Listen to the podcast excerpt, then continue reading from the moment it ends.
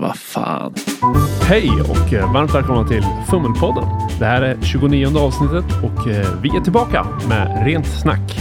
Prata lite om vad som hänt på sistone, utvärdera vårt action play-experiment, titta på Blades in the Dark i backspegeln, snacka lite om vad som händer framöver. Rullar vi igång. Jag heter Lukas. Jag heter David. Jag heter Ed. Borta bra, men hemma bäst. Egentligen har vi inte varit så här jätteborta, men eh, det var länge sedan vi bara satt och pratade rollspel med mikrofoner framför oss. Ja, inga tärningar så långt ögat kan nå, inga regelböcker. Eftersom jag har varit borta ett tag, det har dykt upp lite saker under tiden då.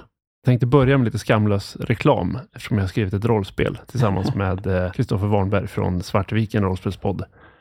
Som är ett mikrorollspel där man skapar eh, asagudar och eh, systemet simulerar och genererar eh, fornnordiska myter i princip. Och ni har varit med och speltestat lite. Ja. Myter låter nästan så här för storslaget. Jag tycker saga känns Ja, som att folksagor. Har rätt. det är en väldigt mysig stämning. Den är inte så himla episk eller stor. Nej, det är inte så här grekiska myter, utan Nej, den är nordiska myter. Ja, men det är jättetrevligt och Och lätthanterligt. Det är just det mikrorollspel kanske är tänkt att vara, men det var ju som inte jättestökigt att få det att flyta. Bra, jag bjuder er båda på fika efteråt då. Som Ja, överenskommet. Sen layouten. Layouten är snygg också.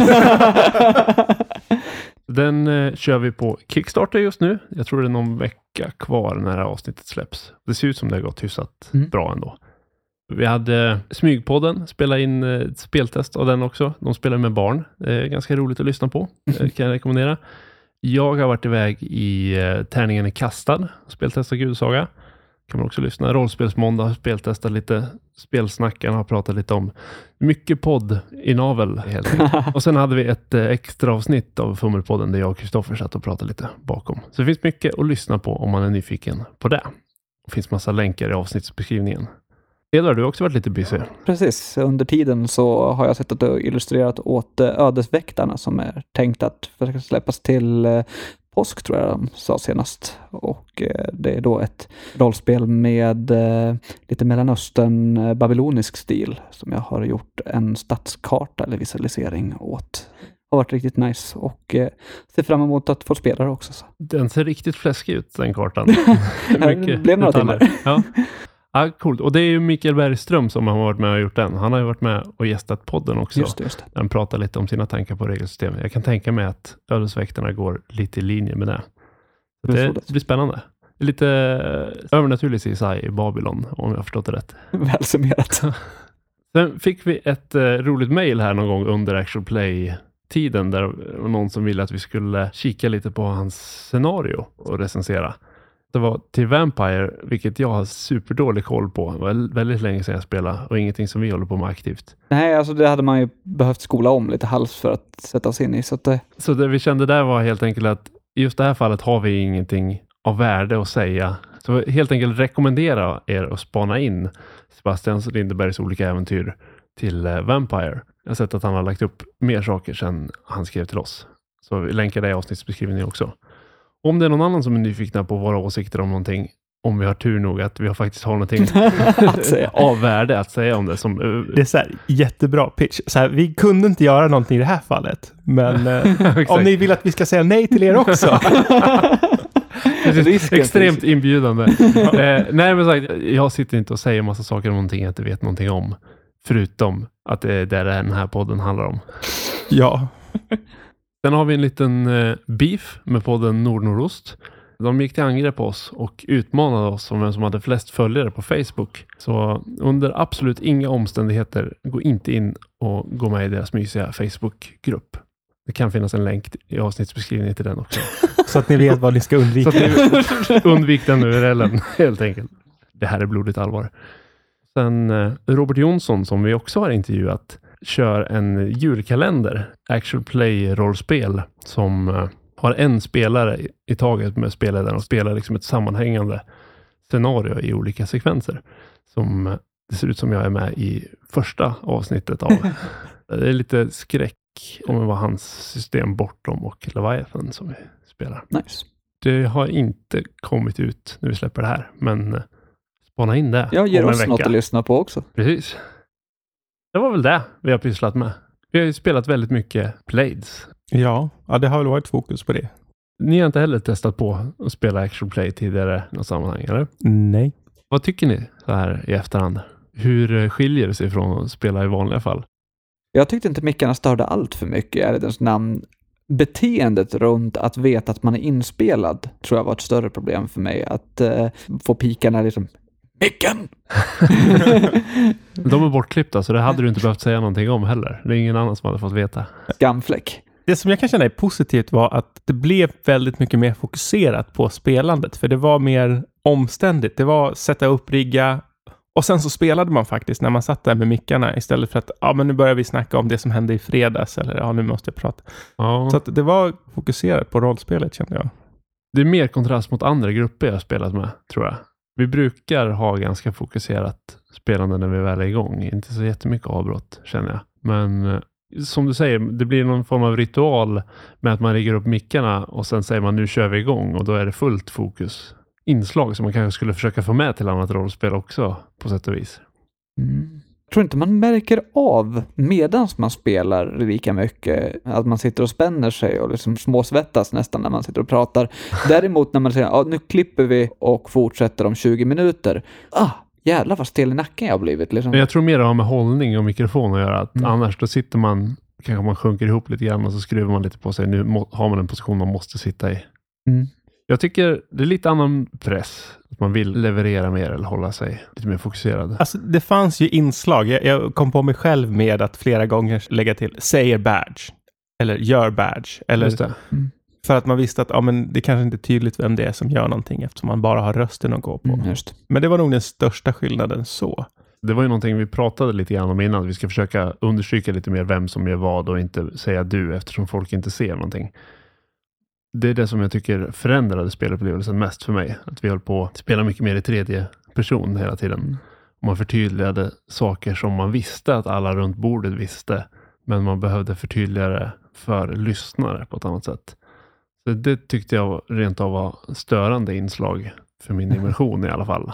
Att dels att vi hade så mycket tredje person och dels att eh, man satt och tänkte, framgår det här tydligt vad jag pratar om för någon som är helt utomstående? Ja, det är också Mm. lite sådana här saker som jag tror att man hade låtit fortsätta att löpa ut på ett annat sätt. För det var någon vända där när jag spelade där vi konstaterade att det här är inte riktigt relevant nog för lyssnare. Liksom vi, vi, vi gör en tillbakaspolning, eller vi gör en editering här, vilket man ju nog inte hade gjort om det inte hade varit under inspelningen, utan då hade man bara, okej det här vart inte jättebra, vi syr ihop det här och så fortsätter vi i en annan riktning. Kanske. Jag tror inte riktigt att jag hade varit så mycket mer diplomatisk annars heller. Och jag har lyssnat på det där igen nu. För vi hade ju Mm. med det som en snutt i slutet på det avsnittet. På mig, vilket avsnitt hände här? Var det första, andra eller tredje? Andra avsnittet, första, Första del. delen. Ja. Du som gick iväg med badge och skulle förhöra någon receptionist.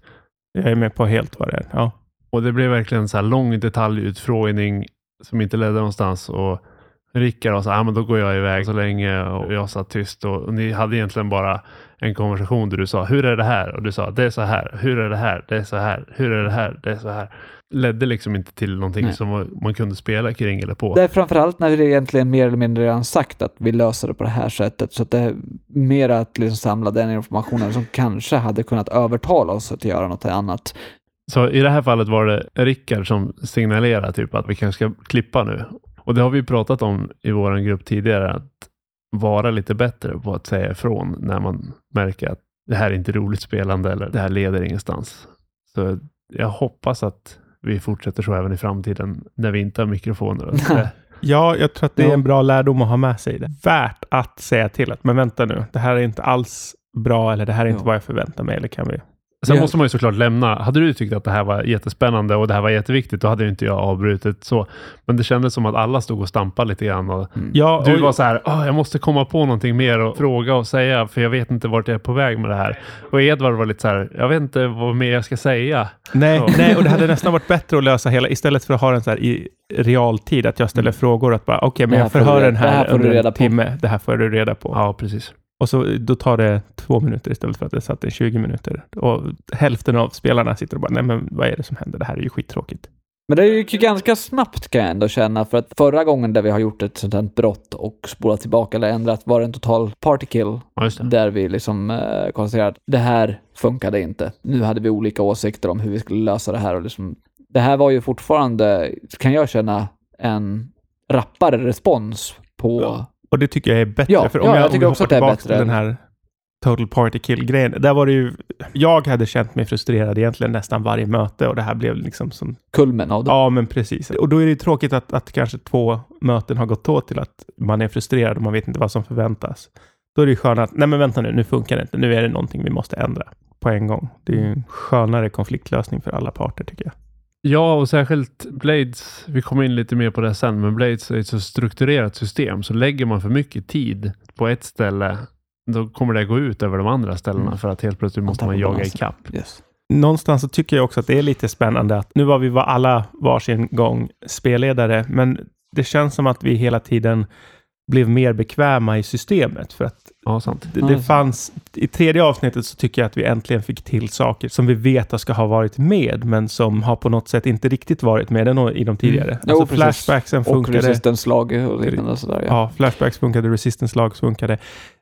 Strukturen på uppdraget blev mer intressant. Att vi fick ett uppdrag, men vi valde att inte ta det utan att bryta mot det och gå vår egen väg och på något sätt då skapa något mer intressant. Yes. Ja, jag tänkte på lite saker. Det här, så har vi spelat Blades hela tiden med lite skiftande spelledare. Det har som Mm. mest varit samma spelledare två möten i sträck tror jag, sen vi började. Och eh, det har varit skönt för mig som egentligen inte tycker jättemycket om att spelleda, men får inspiration till att spelleda ibland. att inte behöva ta den lasten så länge. Nej, precis. Men jag skulle nog inte vilja att vi gjorde så framöver, för att det Nej. blev ofokuserat. Man kunde inte riktigt komma in i sin rollperson och man kunde inte riktigt få ett narrativ som hängde ihop som man ville. Nej, nej jag, jag håller med. Det finns ett, så här, för mig ett jättetydligt exempel där när, Edvard, när du spelade. När du presenterade uppdragsgivaren så drog du med att det fanns en kvinna i bakgrunden som Badge kände och så skulle jag presentera henne.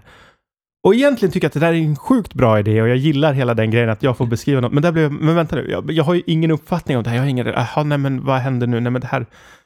Och det blev så dåligt för att det fanns liksom inte det flytet eller förväntan Mm. eller vad man ska säga. Jag, eftersom allting var så spretigt mot när jag var spelledare och så var det några andra. Mm. Ja, Jag tyckte att i slutändan, jag lyssnade igenom alla avsnitt nu i veckan och i slutändan så vi fick till någon form av historia där vi börjar, det var då i vårat spelande som vi började jobba mot ett tydligt Ja, det. mål och det uppnådde vi under den här sessionen.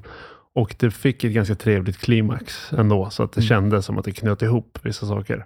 Men tittar man på individuella trådar är det väldigt många trådar som inte blir lösta för att vi som spelledare har slängt ut så många olika trådar. Men det är väl lite det man får förvänta sig med en antologi. Liksom, där Ja, det ja. är olika regissörer eller vad man nu ska kalla oss. Jo, liksom. absolut.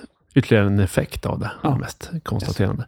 Annat intressant exempel som jag tyckte var bra var när du spelade Edvard och eh, David med sin karaktär slänger sig på uppdragsgivaren och börjar puckla på den. Att man ändå har den här flexibiliteten att inte så här, ah, men nu förstör du planen eller nu så här ska det inte gå till eller nu har ni saboterat för er själva genom att göra så där, utan mer tärningslagen får tala, vårt rollspelande får tala och hur hanterar vi den här situationen och löser det på ett flexibelt sätt. Det tyckte jag det kändes fritt som spelare att Ja. vi, ah, vi får göra vad vi vill och det löser sig ändå, men sen kanske det får konsekvenser. Men vi har ändå fått välja. Jo, precis. Men det var liksom också lite det som jag tror att tack vare att det är lite powered by the apocalypse. Hade det varit klassiskt rollspel så hade jag nog varit mer restriktiv och liksom, men vad gör ni? Och i stort sett huggit mig själv i foten.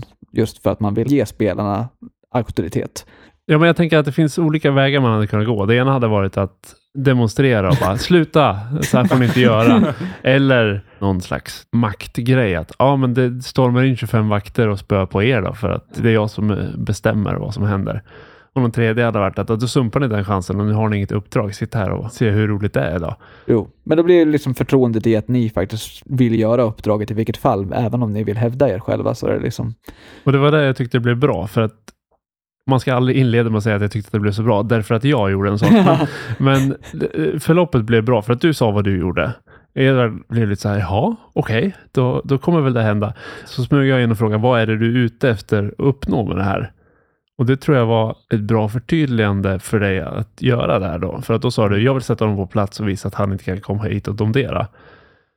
Annars hade det kunnat spåra ur i mer så här att vi slår ihjäl honom eller något annat. Men nu förstår du som spelledare Edvard att ah, okej, okay, det här är för att sätta honom på plats. Vi kan fortfarande fortsätta med den här planen. Yes, bara att han har blivit, att... reglerna säger att nu blev han satt på plats. Yes. Ja, ja, men det har jag tänkt på. Att jag gillar verkligen den grejen att kunna förtydliga vad intentionerna är och vad man vill uppnå. Mm.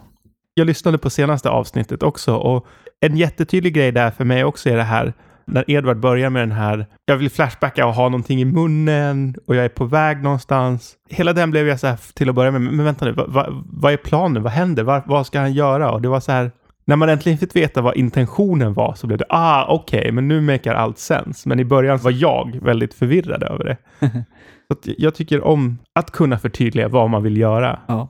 En annan intressant sånt exempel som inte blev helt lysande var du följde efter någon som hade en inbjudan till den här aktionen i andra avsnittet. Mm.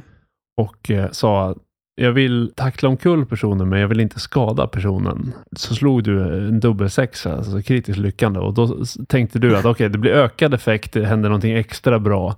Om du knockar den här personen medvetslös så att konflikten är liksom över och du kan ta den här inbjudan. Men det lät som du David blev besviken jag tror till och med att du säger någonstans där att jaha, nej, jag vill inte alls att personen ska bli medvetslös. Vad ska jag göra nu? Men det intressanta är att egentligen ska det gå precis som du vill. Spelledaren misstolkar intentionen lite grann, eller vad man ska säga. Och då helt plötsligt så blir det nästan sämre än om du bara hade slagit en sexa. Tolkar jag det som. Ja. Ja, det, ja.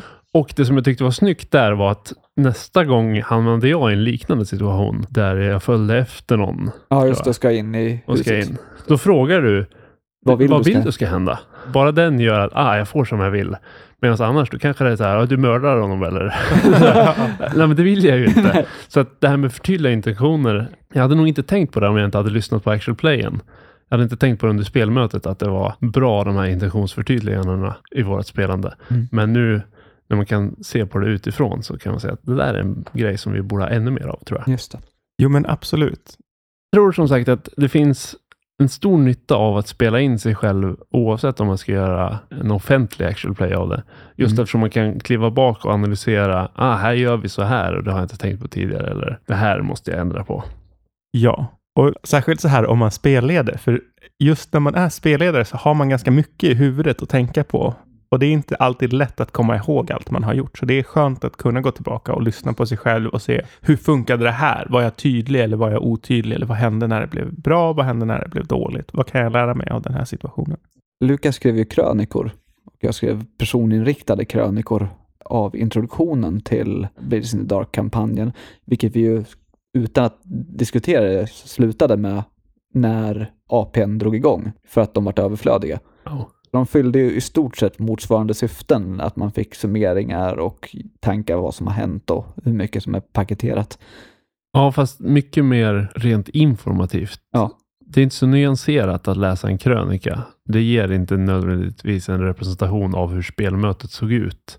En krönika ger ett intryck av hur narrativet såg ut under spelmötet. Medan en actual play ger ett intryck av hur spelet såg ut under spelmötet. Och man får den här fantastiska möjligheten att återuppleva situationen från ett nytt perspektiv. Mm, ja, Utan att behöva låsa sig i sin egen karaktär. Ja. Det är sant. Ja.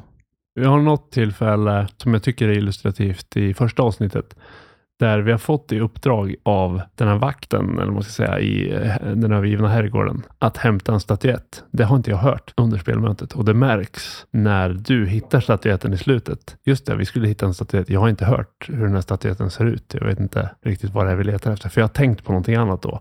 Jag är fullt upptagen med att tänka, hur ska vi ta oss ur den här situationen? Hur ska vi lösa problemet? Hur ska vi komma undan? Aha. Så jag har inte hört att du har sagt att det, den föreställer en kvinna som håller i en blomma. Och, och där säger jag till Edvard slut, är det där den vi skulle hitta? För jag inser att jag har ingen aning om vad det är vi ska hitta. Men det är spännande också. Du är så fokuserad på att hitta en egen lösning så att den presenterade lösningen på något sätt försvinner också. Ja, just det. För att det var hur vi skulle ta oss förbi honom på vägen tillbaka. Ja, men jag tänkte nog en bunt steg framför att det här är någon som inte ska ge vad den personen vill ha. Ja. Så att jag måste hitta på ett nytt sätt att komma runt det här uppdraget men ändå inte bli jagad av den här personen. Så jag är verkligen på 25 ställen som är fel att vara på mentalt eh, i just den stunden. Eller ja, det, det äm, nej, var väl ja. bra på sitt sätt kanske. Ja. Men jag hörde inte hur den såg ut, vilket är intressant i retrospekt eftersom du säger det tydligt. Men jag tror så här, överlag så är det ganska representativt för hur vi spelade Blades, hur podden låter i alla fall. Ja, även om den är ganska redigerad också. Vi är inte så där snappa och snärtiga i verkligheten. Nej, Nej, det en del tystnader bortklippt och en del Ja. sidospår som inte är intressanta att lyssna på. En, en sak till som jag insåg i slutet av sista avsnittet, att det var ganska bra att göra de här karaktärsintroduktionerna, de här karaktärskoncepten, för det förtydligar vilken karaktär man spelade för oss själva också. Och för er andra, lite Ja. grann. Ja, mm. det var intressant. Jag hade nästan att jag hade velat ha dem ännu mer ingående. Ja, kanske lite längre än, än bara en, en sån här rad. Ja. Men det var ändå att Rickards karaktär fick vara ja, men en krypskytt med samvete. Ja, men Just då det. är samvete det ändå en viktig grej för honom. Badge tror att han är hårdast i stan. Ja, men det dyker också upp senare i... ja, sant. Det, Nyttigt. ja, men det, jag tror att det var intressant för oss i den, den situationen att spela Blades. Förtydliga våra karaktärer för varandra. Kanske till och med någonting att ta med sig till annat. Ja, jag tror att karaktärskoncept är... Det säger ju inte allt, men det säger någonting som är viktigt. Det finns ju det här Numenera Cypher System heter systemet tror jag. Där gör man sin rollperson genom att definiera ett karaktärskoncept. Så jag är namnet som är en klassen som gör specialiseringen. Ja, just det. Är- Jag, Inbakat jag kommer inte ihåg exakt hur det ser ut, men du gör liksom en tagline för din karaktär i princip. Och den ger dig massa värden och stats och sånt där. Ja, det finns folk som har tänkt det tidigare. Absolut. Vi har fått lite kommentarer från Ja. andra också. Framförallt har vi fått två typer av kommentarer.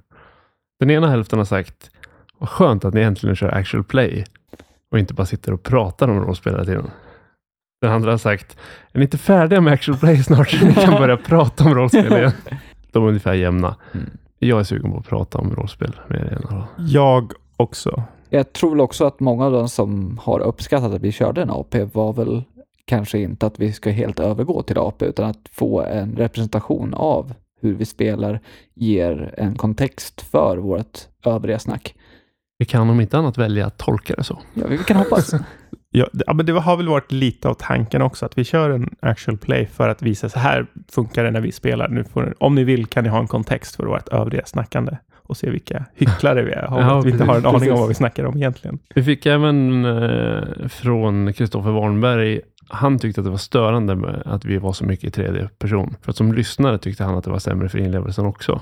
Eh, En ny actual play hade jag nog velat dra ner på det här personligen. Både för min egen upplevelse och det blir lite så stakigt ibland. Jag hade jättegärna sett att också ta bort det. Mm. Och det var så många gånger det bara dök upp rent personligen för säger badge, Ja. gör badge, säger badge. Och det blev liksom som en eftersläntare hela tiden. Det hade varit skönt att slippa tänka Ja. på det. Mm. Sen fick vi från eh, Mattias Fredriksson som är med i Red Moon Roleplaying. De är ju ganska stämningsfokuserade i sitt rollspelande och det finns till och med skådespelare med i deras grupper och sådär så de är ganska seriösa. De hade massa fina kommentarer, men de hade även några bra synpunkter som, som jag tänkte fokusera på. De var inne på att det var lite ytliga gestaltningar.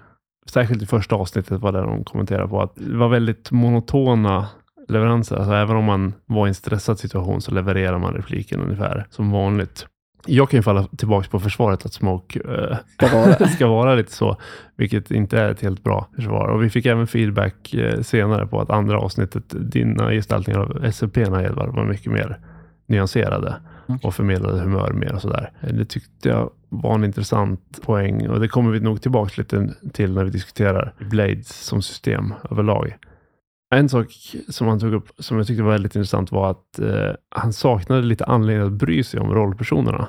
Som spelare så bryr jag mig alltid om min rollperson. Men helt plötsligt när man har publik så ställer ju det här kanske andra krav på hur man förmedlar rollpersonen. Och, Det finns ju något viktigt där också. För jag, min karaktär skulle bry, sig om Trusty och, och, och de andra som var med i gänget. Men jag som spelare hade nog ganska svårt att faktiskt bry mig om både de andra karaktärerna och min egen karaktär på något sätt. Jag ville ju att det skulle Jag gå. tror fortfarande att din karaktär var den som spelade ut mest, framförallt i sista mötet när du liksom kollar att vi är okej och i stort sett agerar bulwark mot hotet.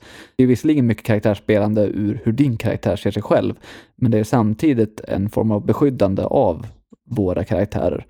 Sen så kom ju inte riktigt det med, men när vi skapade gruppen så skapade man ju liksom en relation till de andra karaktärerna. Liksom. Och jag tror att min karaktär hade någon form av animositet, eller i alla fall någon form av eh, distansering från de flesta Ja. andra i gruppen som relation till dem. Och att det då blir att man tar ett steg bakåt. Sen hade man kanske behövt presentera det i presentationsavsnittet eller liknande. Så jag tror att det här är ett extra viktigt tips för actual play. Att man ska bry sig om rollpersonen. För då är du ju inne på någon slags publikgrej som skriva en bok eller spela in en tv-serie eller vad som helst. Det måste finnas en anledning att heja på rollpersonerna. Absolut. Jag håller helt med den kritiken att det, det, det riktar sig till sin publik. Men jag vill nog också dela med mina medspelare som en del av publiken. För man vill kunna ge anledningar för sina Mm, medspelare Exakt. att bry sig om ens karaktär. Det var lite det som jag var ute efter. Att det är extra bra för actual play. Jag tror att det är någonting man ska ta med sig i vanliga fall också. Att man ska vilja engagera sina medspelare i sin rollperson på ett annat sätt än att kanske skriva den flådigaste bakgrunden. Någonting som jag, jag vill veta vad som händer med den här rollpersonen och jag hejar på den här rollpersonen. Även om man är medspelare eller även om man är spelledare eller vad som helst. Exakt, exakt. Så det tror jag vi tar med oss. Sen kanske det är lättare när man spelar något annat än as. Ett problem är ju att vi alla spelade yrkeskriminella som gillade att vara yrkeskriminella och våldsverkare. Mm. Ja. Alltså inte jättetrevliga typer överhuvudtaget. det var väl räddningen att ha Rickards karaktär med ett samvete.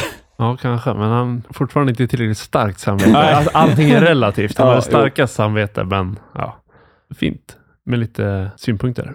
Tack så mycket. Ja, tack. Bra tankar att få med sig. Absolut. Jag hade en sak till som jag tyckte var spännande, som vi har, pratat lite om motsvarande saker tidigare, men när vi söker igenom den här eh, herrgården, första spelmötet där du spelade, David, Ja. så istället för att vi söker igenom varje rum för sig och går och pekar på någon karta och sådär, så säger det hur letar ni igenom herrgården? Så beskriver jag, ja, vi rör oss lite diskret och smyger och jag smyger förväg och vi letar. Och där slår vi ett slag och sen får det avgöra hur det går och vad vi kommer och vad vi stöter på. Det kan vara en spännande grej att sitta och uppleva att vi går in i ett rum och vi vet inte vad som finns där och vi smyger oss fram. Det kan vara kul att sitta och peka på en karta och utforska och rita upp sin egen karta eller vad man nu gör. Men jag tyckte att det blev så sjukt mycket bättre flyt med att hoppa över det momentet och få ett allmänt intryck av vad som hände. Absolut. Ja, och man kan ju få med båda. Alltså hur spännande är det att gå in i ett mystiskt rum om det visar sig vara, vara städskrubben? Ja. Det kan gå snabbare, men om man kommer till någonting som är uppenbarligen någonting väldigt viktigt, en mer utsirad dörr eller någonting, ja men då kan man liksom, okej, hur ska ni ta er in här? Och, och Ja, hela den delen kan dyka upp. Mm. Och man kan portionera det också så att man eh, slår olika metodslag och sånt där beroende på vad man har upptäckt tidigare. Om det, vi här stötte ju på han bekänten herr Bodén. Så att Mm. efter vi mötte honom så förändrades vår metodik. Så att liksom då är det dags för ett nytt slag för att hantera de nya förutsättningarna. Absolut. Men jag tyckte fortfarande det är bra att få någon slags överblick och koncept av det istället för att detaljera det för noggrant. Ja, och det var ju ändå någonting som... Alltså jag hade ju ritat en karta över hela huset och hade beskrivningar av varje rum och tänkt att ja, men här finns det här, här finns det här.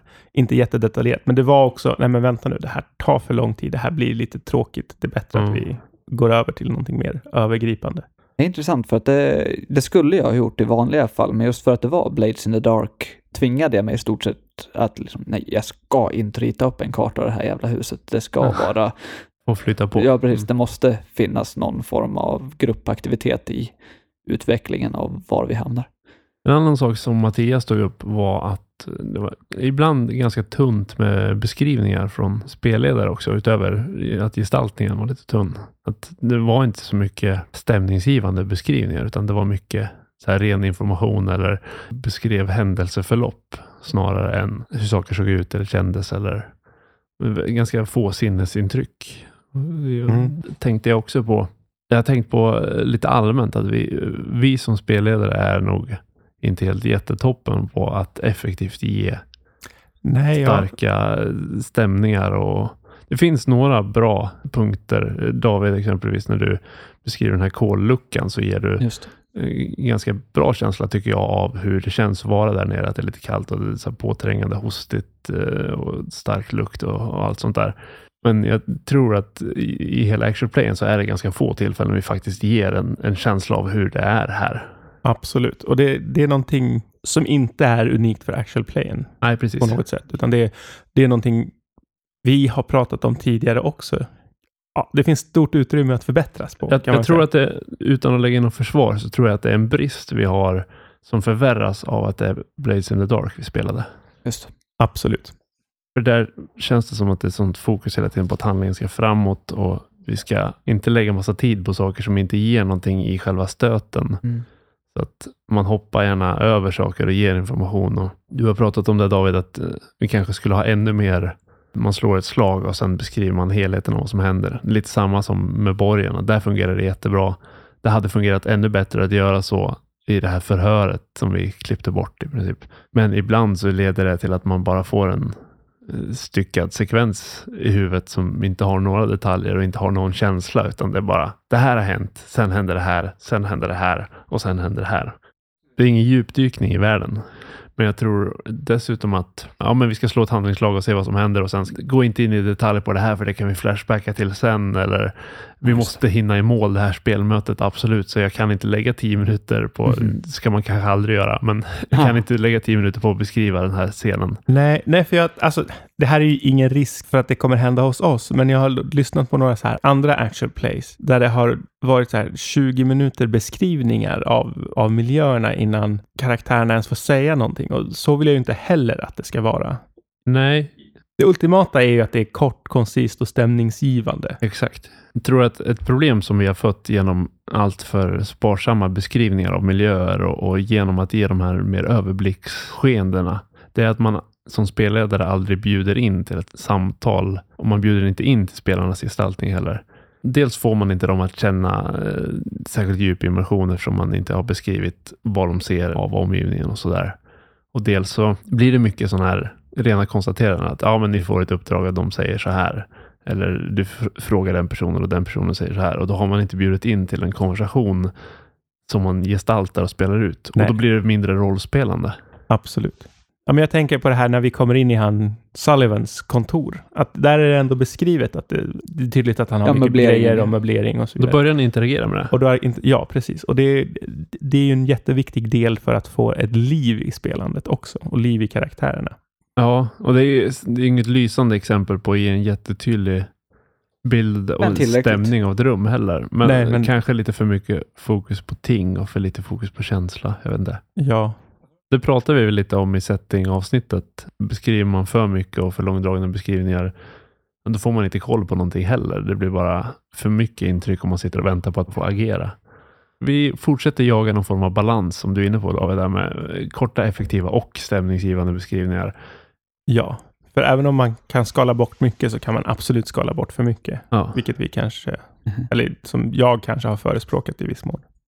Så här i efterhand, i början var jag väldigt fascinerad av Blades, för jag tyckte att de hade fått bort det här tråkiga momentet av att sitta och detaljplanera saker som aldrig ledde någonstans.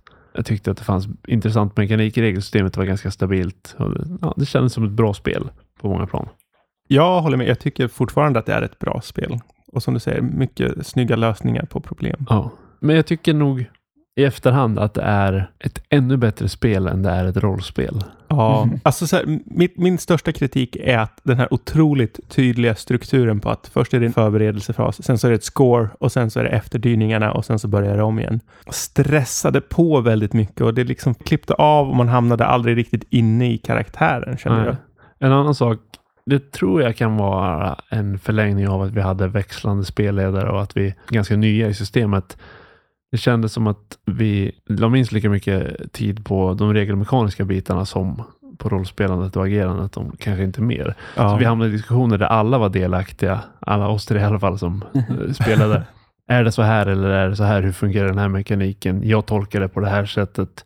Mekaniken med position och effekt tycker jag är intressant. Absolut. Men den bjuder in till en diskussion om regler i kombination med fiktionen snarare än vad gör du? Jag gör det här. Och att det ska finnas en Devil's Bargain och liknande. sånt Ja, precis. Mm. Det blir mycket så här. Ja, just det. Nu pratar vi om den här mekaniken ett tag istället för att rollspela. Ja, och Devil's Bargain var hela tiden, eh, finns det någon Devil's Bargain? Och så blev det tyst i några minuter medan man tänkte, det bröt verkligen i själva flödet på något sätt. Jag tycker det. Och positionen och effekten också blev inte helt naturligt. Den kan jag känna hjälpte mig ibland att avgöra hur jag skulle bemöta handlingar. För att om jag visste att eh, någonting var mer riskabelt än vad jag hade förutsatt tidigare, så gjorde det att man kunde hushålla med hur mycket vill jag utsätta mig själv för. Det var bra för fiktionen att förstå Men inte för flödet. Men inte för flödet, tycker Sant. jag. Nej, och jag tror att det kan vara kombinationen med att man hela tiden fiskade efter Devil's Bargain Mm. på något sätt. Jag tycker också att den här positionen och, effekten är bra verktyg. Sen så kanske vi hamnade i lite för mycket diskussioner kring det och det är möjligt att det i framtiden skulle vara ett mindre problem. Mm. Sen historiskt sett kan jag känna att narrativet har varit min belöning för rollspelandet. Liksom att göra någonting kul och häftigt tillsammans. När det varje vecka är så extrem fokus på just att en tredjedel läggs på slutfasen med här får vi XP, här får vi poäng, här ska vi göra den här mekaniken, Ja. och det här och det här och det här. Glömmer man lite bort att lägga kärleken till narrativet. Man blir poängjägare nästan. Ja, alltså jag, det som jag tycker är spännande är att du och jag har näst, inte riktigt, det är överdrivet, men vi har bytt plats lite Ja. grann. Att du blev den så här supermekanikfokuserade och jag försökte få igång narrativt och ibland men vänta, nu blev det för mycket mekanik här. Vänta, vad händer med berättandet och karaktärsinlevelsen? Det är otippat. Ja. ja, faktiskt. oväntat. Men det kanske också är lite med hur utsatta vi har varit för det och lite sånt där. Att för mig känns det en liten nivå att man liksom, nu får jag leka med det här. Ja, ja, möjligt. Men jag tycker att du säger något intressant här Edvard, för att den här slutfasen är på något sätt tänkt att ge en bild av rollpersonerna. Men hade vi bara rollspelat tio minuter när rollpersonerna sitter och pratar om deras upplevelse av stöten så hade det gett mer än Ja. alla de här Vice-grejerna och allting. Absolut. Så att det blir som en tv-serie kanske där man får se klipp och effekter och följa trådar. Om man broderar ut dem så skulle det kunna vara intressant. Mm. Men som det är nu så ja, det blir som sagt ett spel för att generera saker som man kanske inte upplever. Ja, det är svårt att uttrycka riktigt vad jag menar, men det blir väldigt mekaniserat och resultatet av det sett utifrån blir bra. Men upplevelsen av det är lite stressad, den är lite för lite inlevelse i. Det blir mycket tell, inte så mycket show, om man ska använda sig av filmspråk. Ja, bra poäng. När du stöter på vampyren Lord Skurlock i efterdyningen, att det helt plötsligt var en narrativ händelse istället för att säga, och just det, sen eh, Blue Coats kommer och förhör er och eh, bankar på er, du kan muta dem om du känner för det. Din interaktion med Skurlock och det spelet gav tio gånger mer också. Mm, det är sant. Och det kan ju vara så Det är tänkt att vara. tänkt att vara. Men samtidigt när man har suttit och spelat ett par timmar och ska avrunda och sen har man hoppat över och ska börja diskutera hur mycket hit ska ni ha, hur mycket XP ska ni ha. Just det, vi ska rollspela en sak till Ja, som Mm. kanske egentligen inte är intressant eller leder någonstans. Just med Skurlock blev det ju intressant, men, men som det sista mötet som jag spelade, då slumpar vi fram att lagen kommer och förhör någon. Så här, vi har haft det här klimaxet där ni dödar gangsterbossen och bränner ner herrgården. Vill vi sitta och spela ett förhör med en polis som ni inte har träffat tidigare? Nej. Det hade nästan till? det hade varit bättre som en cliffhanger inför nästa säsong eller någonting. Ja, kanske sant. Nej, men så att den tyckte jag kändes bättre att nästan hoppa över. Ja, ja, absolut. Det blir lite samma när du spelade Edvard. att Det blir så här, gänget ställer till något problem.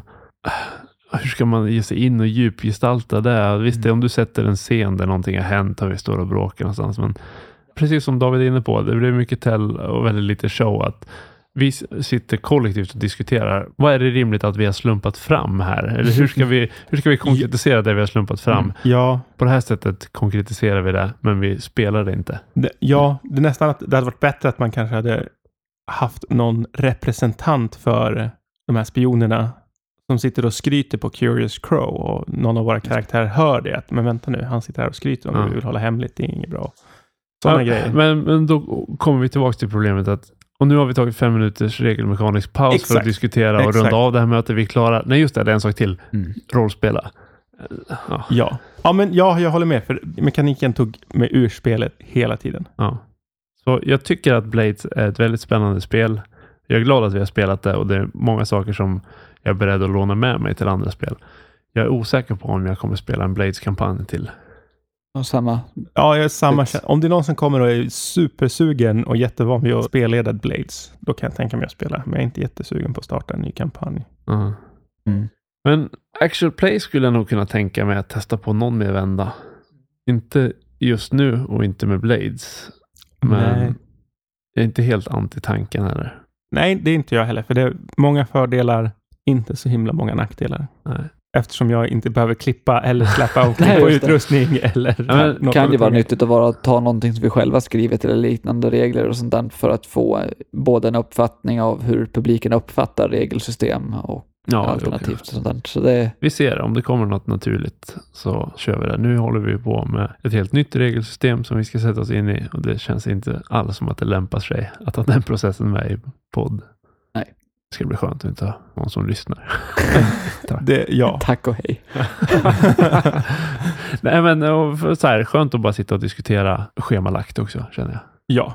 Det ska bli kul att komma igång med lite mer fummelpodd. Då så. Tack. Ha det bra. Tack, hej. Du har lyssnat på Fummelpodden som presenteras i samarbete med Studiefrämjandet. Du får gärna gilla vår Facebook-sida eller kanske följa oss på Instagram. Länkar finns i avsnittsbeskrivningen. Har du feedback eller tips på ämnen, hör av dig via sociala medier eller skicka ett mejl till info.fummelpodden.se.